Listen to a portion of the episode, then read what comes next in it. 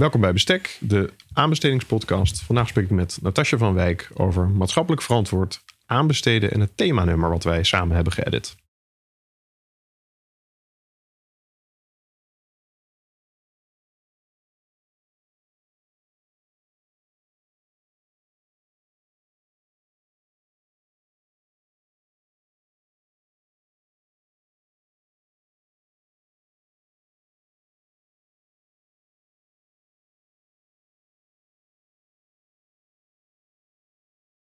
Dag uh, Natasja. Goedemiddag Willem. Ja, zo zaten we. Zo, zo, zaten we. Uh, dit is de, zeker niet de eerste keer dat wij elkaar hebben gesproken. Hoewel er inmiddels alweer een tijdje van wat rust was. Maar daarna, daarvoor was eigenlijk 2020 heel intensief. Uh, en de reden was dat wij samen hebben gewerkt als co-editors van een themanummer van het tijdschrift voor bouwrecht. Ja, klopt. Dat hebben we eigenlijk, zijn we daar heel 2020 mee bezig geweest, uh, kan je wel zeggen. Ja, ja precies. Dus uh, voor de luisteraars. Natasja is uh, wetenschappelijk medewerkster bij het Instituut voor Bouwrecht. En um, inmiddels alweer een aantal jaren terug spraken wij elkaar op de gang bij de afscheidsreden van professor Monica Tjouw-Duivis. En daar, um, ja, hoe zeg je dat, hebben we dit plannetje bekokstoofd. Ja, klopt. We spraken elkaar toen kort op de gang samen met Evelien Bruggeman. Die is inmiddels directeur van het Instituut voor Bouwrecht. En uh, toen hebben we kort daarna volgens mij een afspraak uh, gehad om het even door te praten. En uh, nou ja, toen zijn we aan de slag gegaan. Klopt. Ja. ja. En um, ja, hoe heb je dat? Misschien dat ik hem zo mag, zo gelijk met gestrekt been mag, mag in, inschieten. Want voor de, voor de luisteraars, het is uiteindelijk een, een prachtig thema nummer geworden. Nou, een van de dikste nummers, heb ik me laten vertellen, van 2020. Ja. Um, met welgeteld 1, 2, 3, 4, 5, 6, 7, 8, 9, 10 bijdragen. Nou ja, eentje was een column, maar 9 bijdragen en één column. Dus een hartstikke dik uh, nummer. En het nummer, of het themanummer was maatschappelijk verantwoord aanbesteden van mogelijkheden naar verplichtingen. En um, ja, laat ik maar eerst eventjes, en ik zei net met gestrekt been, hoe heb je, hoe heb je het proces ervaren? Het, het samenstel en het proces misschien niet zozeer in de samenwerking tussen ons tweeën. Dat moeten we misschien later nog evalueren. Maar hoe heb je dat ervaren? Nou ja, de samenwerking tussen ons tweeën, dat, dat liep gewoon prima. Maar, uh, ja, dat, de zou, auteurs... dat zou ik nu ook zeggen, ja. Ja, ja, ja. ja maar het, het was, uh, we hadden natuurlijk het coronajaar. En um, ja, dat gooide heel wat planningen in de war. En uh, daardoor uh, um, was het soms lastig voor auteurs om op tijd aan te leveren. En uh, ja, dat maakt het soms een wat moeizaam proces. Maar iedereen was wel heel enthousiast. En we hebben hele Zeker. mooie bijdrages aangeleverd. Ja, en, ik, en, ik moet ook hand in eigen boezem steken. Voor ons was het ook ontzettend ploeteren. En dat denk ik voor veel mensen hè, afgelopen jaar. Ik bedoel, ik heb ook aardig wat dead, deadlines moeten missen. Ja. Ook in, mijn, in het eigen project. Uh, maar daarom des te mooier. Dus ook veel dank uh, gaat uit, denk ik.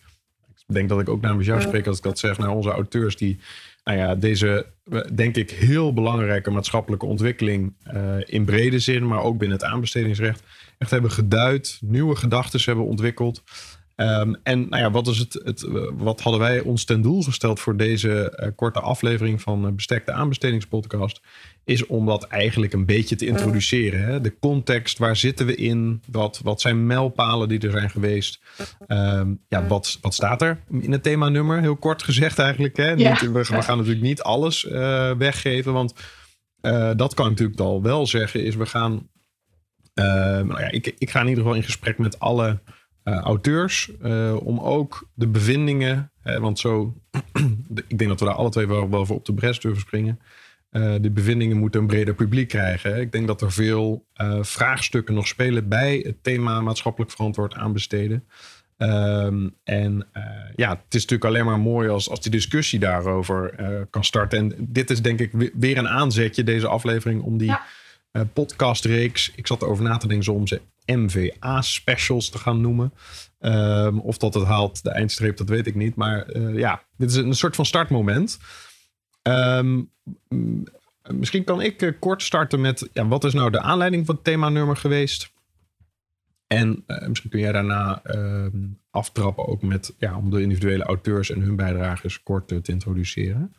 Ja, prima. ja, het, ik, ik denk dat waar, waar, onze wetenschappelijke interesse gewekt werd, of zeker die van mij, maar ik denk dat we daar elkaar wel in vinden, is aan de ene kant het belang van ja, klimaatverandering en duurzaamheid en circulariteit. Ehm, zowel als burgers als wetenschappers voelen we dat daar ja, dat ook aanbesteding en het aanbestedingsrecht daar een hele belangrijke rol in kan spelen. Het is natuurlijk zo dat, uh, nou ja, het is denk ik een publiek geheim, of is, het is zeker bekend. Nou ja, hoe noem je het? Het is bij iedereen wel bekend wat uh, de, nou, de impact kan zijn van aanbesteden. En uh, zeker wetende dat het ja, gaat om een heel groot aandeel van de Europese aanbestedingsmarkt, maar ook van de Nederlandse markt. Wordt er vaak ervoor gekozen om aanbestedingen in te zetten om duurzaam aan te besteden. Maar daar staat ook tegenover dat het in de praktijk dat het vaak lastig is. En dat het recht ook wordt neergezet als een beperkende factor. Dat één. En twee, dat het soms ook gewoon niet gebeurt. Hè? Er wordt nog stevig wat eh, aanbesteed op laagste prijs. Dus dat relateerde zeker aan, dat ja, aan het concept als startpunt klimaatverandering. Daar moet een oplossing voor komen. En vervolgens de vraag, wat kunnen aanbestedingen daar nou in spelen? En juridisch gezien zitten daar denk ik twee trends onder. En eentje die kennen we al langer en die andere is nieuwer. De, de eerste is dat we de afgelopen jaren, uh, of de afgelopen twee decennia, als ik hem wat breder mag trekken, binnen het aanbestedingsrecht steeds meer die instrumentele rol van aanbestedingen zijn gaan omarmen. Hè? Dus niet alleen procedureel aanbesteden, maar instrumenteel aanbesteden. Aanbestedingen inzetten om maatschappelijke doelstellingen te behalen op basis op, op het gebied van duurzaamheid of, of sociale, sociale inclusie, hè, werkgelegenheid voor langdurig werklozen. En wat je de afgelopen jaren dan hebt gezien, is dat het recht zich steeds meer naar naartoe heeft gevormd. Hè? Met 2014 van de nieuwe richtlijnen. En ik zeg nieuwe, eigenlijk mag dat niet meer, dat is al zes jaar geleden. De meest recente richtlijnen. Uh, is dat daar veel ruimte is gekomen voor uh, de, uh, het opnemen van dit soort secundaire, horizontale doelstellingen. En dat uh, dus de vraag vooral daar is eigenlijk: wat is die ruimte nou? Is dat voldoende ruimte? Werkt dat in de praktijk? Hè? Want er is ruimte gekomen voor, het, of in ieder geval is meer duidelijkheid gekomen voor de toepassing van labels. Uh, er is ruimte gekomen voor uh, levenscycluskosten en kosten om daarop te, te gunnen. Hè? Dus ik denk dat het over het algemeen, ook de experts in ons thema nu waren daar denk ik wel over eens. Hè? Er is meer ruimte en het, het, mag meer benut worden wellicht. Dat, dat was eigenlijk een eerste ontwikkeling hè? die we hebben geprobeerd om te duiden. En de tweede ontwikkeling is meer recent, denk ik. Um, ook mede aangejaagd door bijvoorbeeld een, een, EU Green Deal. Waarbij het aanbestedingsrecht een veel dwingendere rol lijkt aan te nemen. Hè? Dus, de, dus ik sprak in internationaal verband hierover. En toen zei iemand tegen me: ja, het is eigenlijk een beetje een politieagent. Niet meer de ondersteunende rol, maar echt een politieagent die de lidstaten gaat vertellen: je moet duurzaam aanbesteden in de plaats van je mag duurzaam aanbesteden. En ja, dat is een tweede ontwikkeling waar heel, nou ja, dat, dat is echt nog, staat nog in de kinderschoenen. Hè? De Europese Commissie heeft in ieder geval aangekondigd dat ze daar werk van willen gaan maken. Door minimumcriteria in te introduceren. Door uh, wellicht met targets te gaan werken of met producteisen. Hè? Dus eh, verschillende, het lijkt wel of de commissie op verschillende doelen schiet. Maar dat is dus een tweede trend. Eigenlijk van mogelijkheden naar verplichtingen. Hè? Vandaar ook de titel van het thema, themanummer. En ook daar spelen vragen over moeten we dat wel doen? Hoe kun je dat juridisch goed en effectief vormgeven? Als je dat dan doet, wat zijn daarvan dan de effecten in de praktijk? In de, in de rechtspraktijk, maar ook in de bredere praktijk. Dus ja, zoals je merkt, ik kan daar uren over doorpraten. Dat zou ik zeker niet doen. Maar het is wel, dat zijn denk ik de twee belangrijkste trends. Hè? Dus aan de ene kant van procedureel aanbesteden naar instrumenteel aanbestedingsrecht. En aan de andere kant van mogelijkheden om maatschappelijk verantwoord aan te besteden naar uh, verplichtingen. En die hebben we geprobeerd te, te, te beschrijven, te bediscussiëren uh, en vooral ook nieuwe gezichtspunten aan te reiken. En ik denk dat dat, en dat zeg ik met een beetje misplaatste, of juist wel, uh, ja, mis, ik weet niet of het misplaatst is trouwens, uh, trots. Want het is wel gelukt, vind ik. Maar goed, de rest van de wereld moet daar natuurlijk nog ook over, over gaan oordelen. Uh, maar als we het hebben over wat is nou de aanleiding en waarom zijn wij in 2020 zo intensief gaan samenwerken, was dit denk ik in ieder geval voor mij de, de aanleiding. En dat heeft dan uiteindelijk geleid tot um, ja, een aantal prachtige artikelen in het, uh, in, in het uh, themanummer. Ja, klopt. Ehm, ja, die, die twee ontwikkelingen die jij beschrijft, die brachten ons naar een aantal vragen eigenlijk, waar wij dan auteurs en onderwerpen bij hebben gezocht. En dat waren vier vragen. Um, de eerste vraag was van hoe komen ontwikkelingen van procedureel naar instrumenteel, van mogelijkheden naar verplichtingen, hoe komen die momenteel tot uiting in het aanbestedingsrecht? Ja, dus een beetje een stocktaking exercise. Ja, en wat zijn de juridische en praktische gevolgen van deze ontwikkelingen op de aanbestedingspraktijk? En wat kunnen we daaruit concluderen over die effectiviteit van mogelijkheden en verplichtingen? En het onderscheid tussen deze twee reguleringsopties eigenlijk. En als laatste vraag zou het aanbestedingsrecht zich moeten ontwikkelen met een nadruk op mogelijkheden, verplichtingen of beide. En dat zijn eigenlijk vragen die we mee hebben gegeven aan onze auteurs. En uh, we hadden maar liefst twaalf auteurs. Uh, ja, en uh, ja, tien artikelen, zoals je al zei. Um, nou, we beginnen het, het themanummer met een inleidende bijdrage van ons tweeën. Uh, ja, daar schetsen we eigenlijk een breder kader, maar we proberen ook die individuele bijdrage op een hoger plan te brengen. Nou, daar gaan we het straks nog over hebben, denk ik. Ja. En of dat gelukt is, misschien. Maar, of dat gelukt is, ja. En uh, ja, dat wordt gevolgd door een bijdrage van Georg Wiet van uh, Kroonadvocaten over uh, duurzaam specificeren. Vervolgens een bijdrage van jou samen met Eveline Nelen. En ehm, over de ineffectiviteit van open en concrete aanbestedingsrechtelijke verplichtingen in de strijd tegen klimaatverandering. En dan hebben we ook nog een bijdrage van uh, Daan Versteeg van Rosemond Advocaten over levenscycluskosten. Dat noemde je net al even kort. Ja. Uh, dan hebben we ook een bijdrage van Jan Janet Meesters van DLA Piper over uitsluitingsgronden. Ja. Een bijdrage van Jurgen den Houting van Rosemond over abnormale inschrijvingen. En dan hebben we nog uh, twee Belgische auteurs van de KU Leuven. Joris Schruiters en Lennart Michaud. Over, uh, moet ik even kijken, levenscycluskosten ook. Ja. En uh, we sluiten af met een bijdrage van Arthur van Heeswijk over handhaving van duurzaamheidsverplichtingen bij aanbestedingen.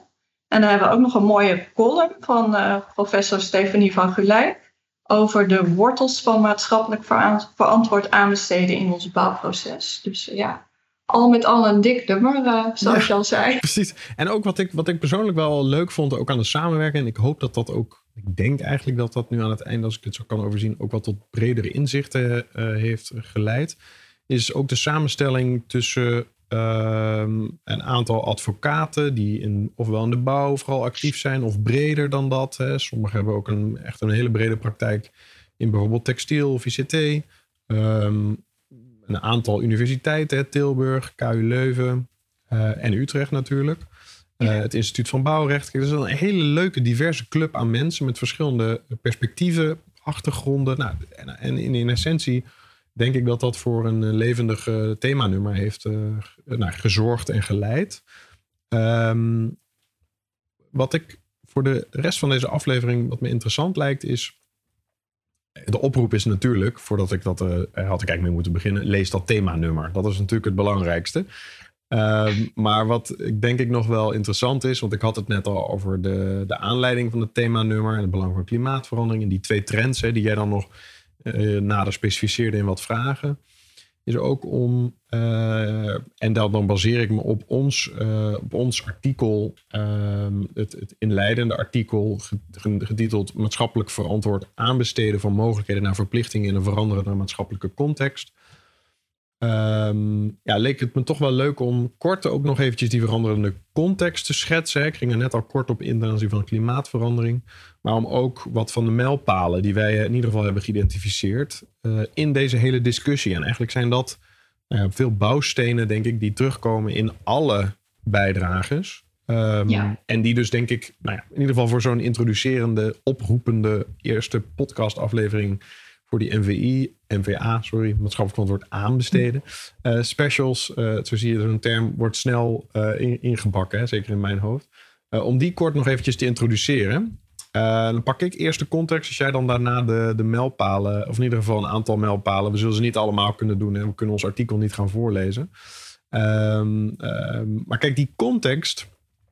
Um, wat in ieder geval interessant is, denk ik, is dat het maatschappelijk debat, hoewel dat eigenlijk erg mondjesmaat terugkwam bij de recente verkiezingen, vond ik, uh, over het klimaat en uh, ja, de opwarming van de aarde. Hè, wat dat betreft vind ik climate change wat te neutraal soms. Het lijkt een soort van objectieve verandering te impliceren die niet tot handelen moet leiden. Um, en, maar eigenlijk staat het, de uitkomsten staan als een paal boven water. Hè? De, de aarde moet niet meer gaan opwarmen uh, dan, um, ja, dan die, die maxima die gegeven zijn. Hè? Anderhalve graad, et cetera. In verschillende uh, onderzoeken. En dat is natuurlijk ook een ontwikkeling die we al kennen sinds de jaren tachtig. Waarin steeds in verschillende, uh, door verschillende raden, door verschillende rapportages. Hè, ik noem bijvoorbeeld een, een, rapportage Our Common Future. Waar nou ja, heel duidelijk werd gezegd al destijds van... Ja, in, in 87 was dat al van... Er moet wel echt even iets gebeuren aan, aan de, in, in onze wereld. En nu zitten we in 2021. En ja, lijkt het in ieder geval, en dat is mijn indruk, lijkt dat haast wel een standaardoverweging te zijn geworden. In overheidsbeleid, hè. we moeten er altijd allemaal rekening mee houden, maar de implementatie laat nog soms op zich wachten. Of wat we precies uh, daar nu mee moeten. Hè. En zo zie je dat, ik denk de discussie vooral als je het over context hebt, veelal eerst over duurzaamheid ging. Nu steeds meer het woord circulariteit omhoog popt hè, als de manier om um, ja, bij te dragen aan de verschillende uh, doelstellingen binnen het klimaat die we hebben uh, gesteld met elkaar. En uh, ja, zeker, dat, ik licht hem dan toch nog maar uit, zeker die circulaire economie is natuurlijk interessant. Hè? Echt een, om een economie te creëren waar we inderdaad produceren en recyclen en hergebruiken. Maar ook vervolgens dat we dat cirkeltje rond kunnen laten draaien zonder dat het product wat we gebruiken eigenlijk steeds kleiner wordt en steeds minder bruikbaar eigenlijk. Hè? Dat is in essentie het concept van circulariteit. Is dat we echt continu alles kunnen hergebruiken. Zonder dat we een gedeelte van een plastic flesje verliezen. Hè? Of dat juist een gedeelte onbruikbaar wordt omdat wellicht de platen tegen in de bouw aan elkaar gelijmd zitten. Hè? Er gebeuren nog fantastische dingen op dat, uh, op dat vlak. Um, en ja, dan kom ik, kom ik eigenlijk ook al uit bij jouw mijlpalen. Of onze mijlpalen. Maar goed, ik zei, goh, misschien kun jij er een paar noemen. Misschien pak ik er nog een paar. Er is natuurlijk, het is niet alsof we het, het themanummer, en dat is natuurlijk ook wel, eh, daar zijn we ons heel goed bewust van. Het is niet alsof hier nog nooit, uh, dit is een heel belangrijk thema. Hè? Vooral ten aanzien van die eerste trend is er natuurlijk al heel veel onderzoek over duurzaamheid en aanbesteden en aanbestedingsrecht.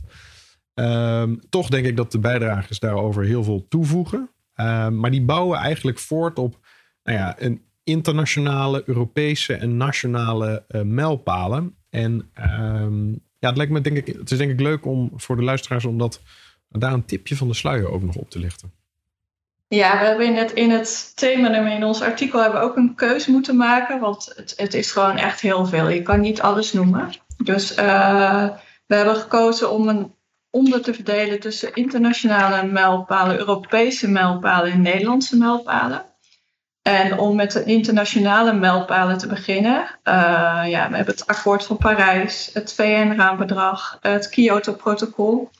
En uh, ja, die, die verdragen lijken echt aan belang toe te nemen of te groeien. Uh, ja, dan noemen we het urgenda-arrest. ja, heel belangrijk natuurlijk heel belangrijk. Ehm, ja, voor de mensen die het niet kennen, uh, Stichting Urgenda is naar de rechter gestapt om af te dwingen dat uh, Nederland zijn verplichting om de CO2-emissies te reduceren nakomt. Ja. En ze hebben daar uh, tot aan de Hoge Raad gelijk in gekregen. Dus ja, de staat moet daar iets mee doen.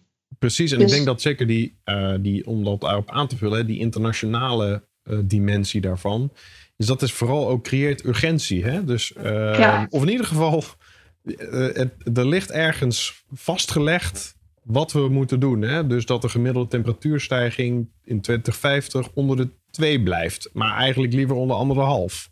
Dat soort eisen die bieden in ieder geval een startpunt ook weer als dat dan doordruppelt naar de, naar de lidstaten, naar Nederland, binnen het, binnen het aanbestedingsrecht om ook weer beleid daarop vorm te geven. Want ja, je, je zult, als je eraan bindt, zul je toch ook moeten, uh, eraan moeten houden. En zeker zo'n agendazaak, ja, dat, ik bedoel, het sloeg in als een bom, denk ik, bij de staat. Ja.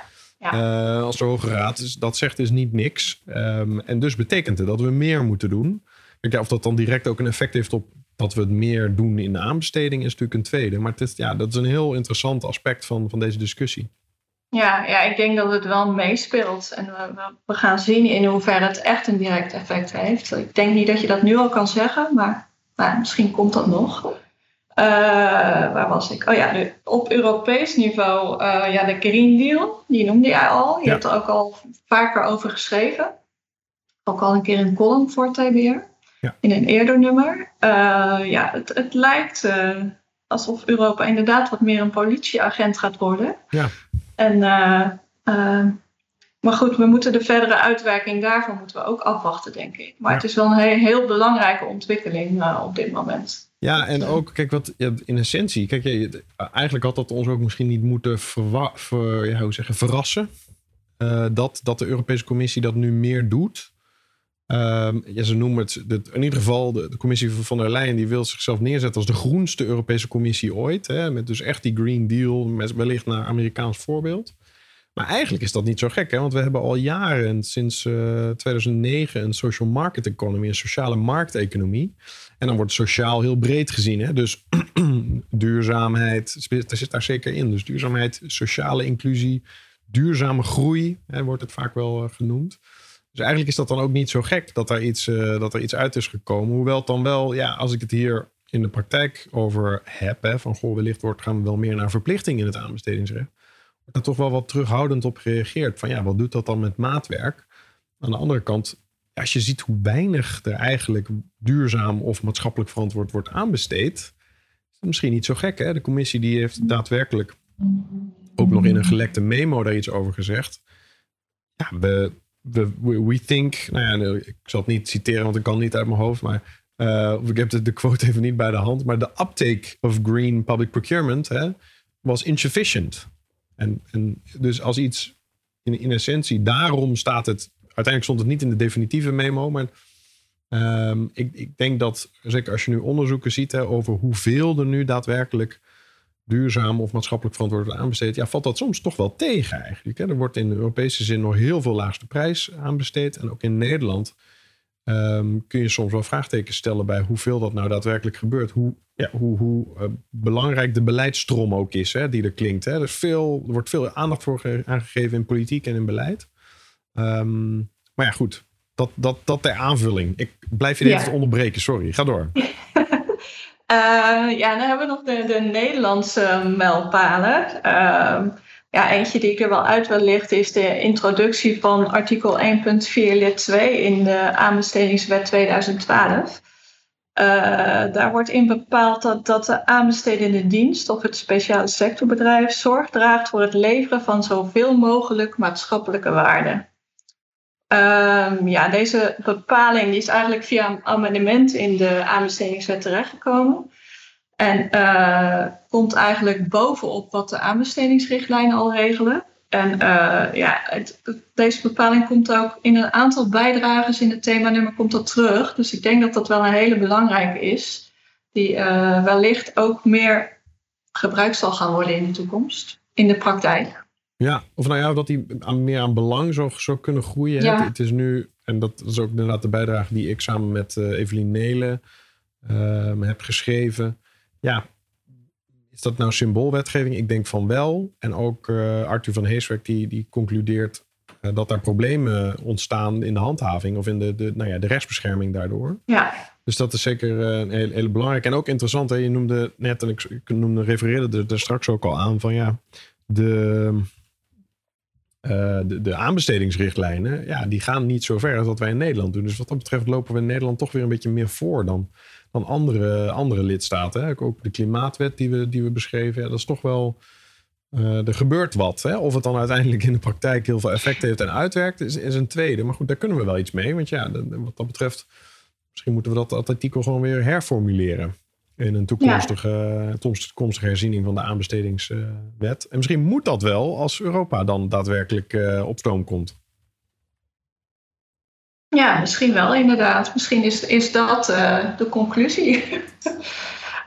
Zoals je, ziet, ook, zoals jullie horen, ook co-auteurs hoeven het niet per se met elkaar eens te zijn. Hè?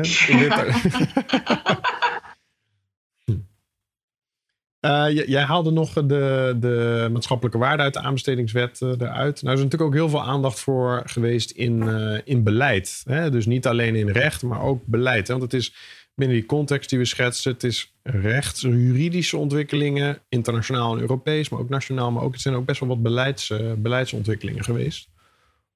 Ja, we hebben het, het manifest maatschappelijk verantwoord inkopen. Uh, ja, om, om, om de realisatie van de doelstellingen die we, die we hebben gesteld van het maatschappelijk inkopen, om die uh, te vergroten.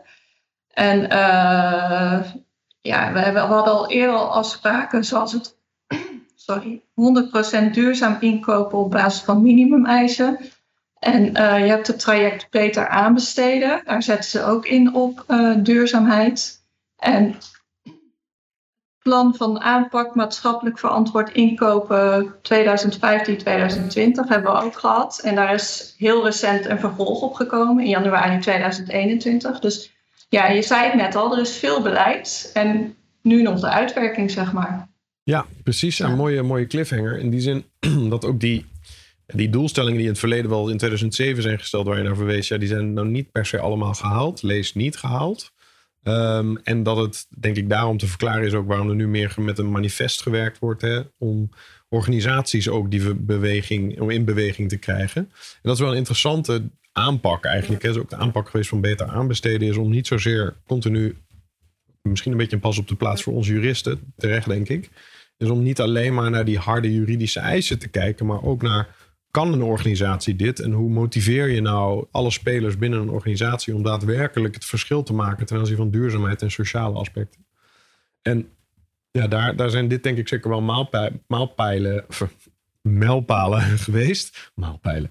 Ehm, en vooral ook zo'n plan van, van aanpak, maatschappelijk verantwoord inkopen, wat toch ja, ook weer, weer best, wel, uh, ja, best wel ambitieus altijd uh, is geweest. Ja, en of dat dan uiteindelijk tot iets leidt, is een tweede. Maar het, het, maakt onderdeel uit van, denk ik, de context waarin alle uh, bijdragers in, de, in het themanummer zijn geschreven.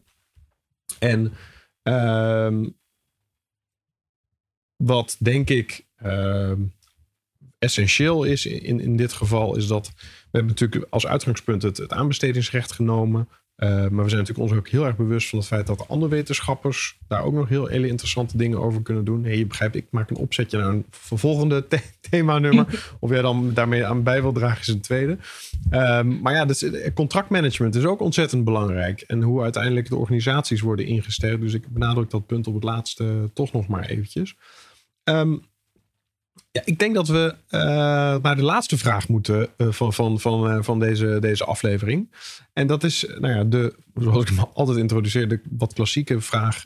stel je mag twee à drie onderdelen aanpassen in het aanbestedingsrecht. Of breder dan dat. Kijk, ik weet dat jou, jou, jouw interesses breder liggen. Um, dus voel je daar vooral ook vrij in om, dat, om die ruimte te pakken.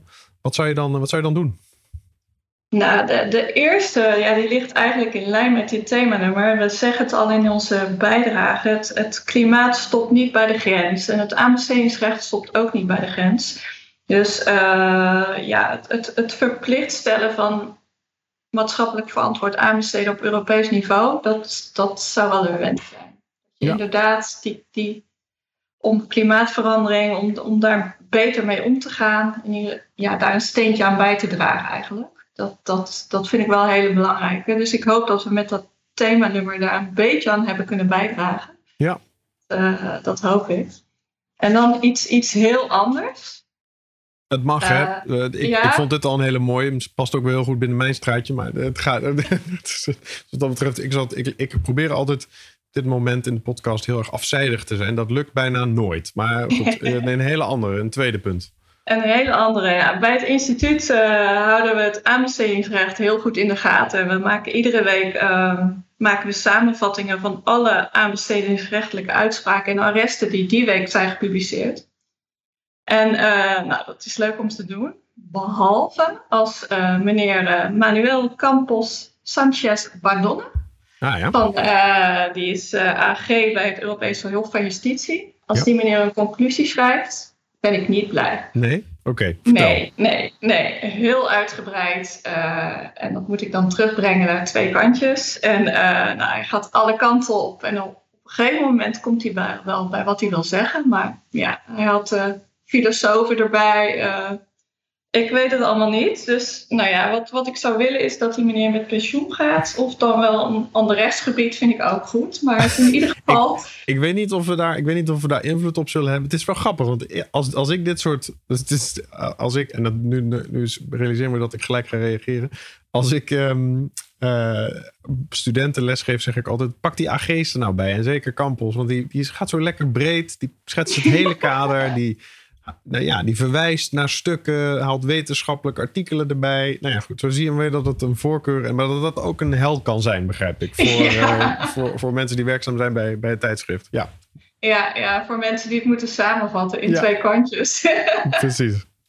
Ja, dus uh, ja, dat, dat, dat was het eigenlijk wel. Uh. Alright, hartstikke mooi. Dus meer aandacht voor een dwingende rol, de politieagent voor het aanbestedingsrecht en hopelijk wat kortere conclusies van uh, advocaat-generaals. Maar ja, ik zeg dat en wetende dat ik hoop dat ze heel erg lang blijven. Maar goed, wat dat betreft, als jullie dan merken, eh, ik zei het ook al, als co-editors hoef je niet, uh, hoef je het niet altijd eens te zijn.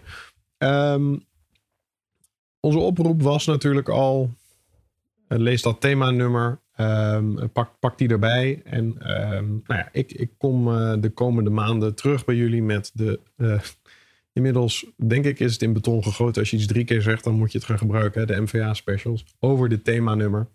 Uh, de eerste kandidaat daarvoor is Georg Riet van Kroonadvocaten, die een artikel heeft geschreven over duurzaam specificeren. Dus we gaan in op technische specificaties en alle haken en ogen daarvan.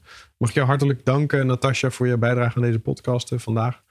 Heel uh, graag gedaan. Ontzettend leuk uh, om je erbij te hebben. En ehm, dit was Bestek, de aanbestedingspodcast.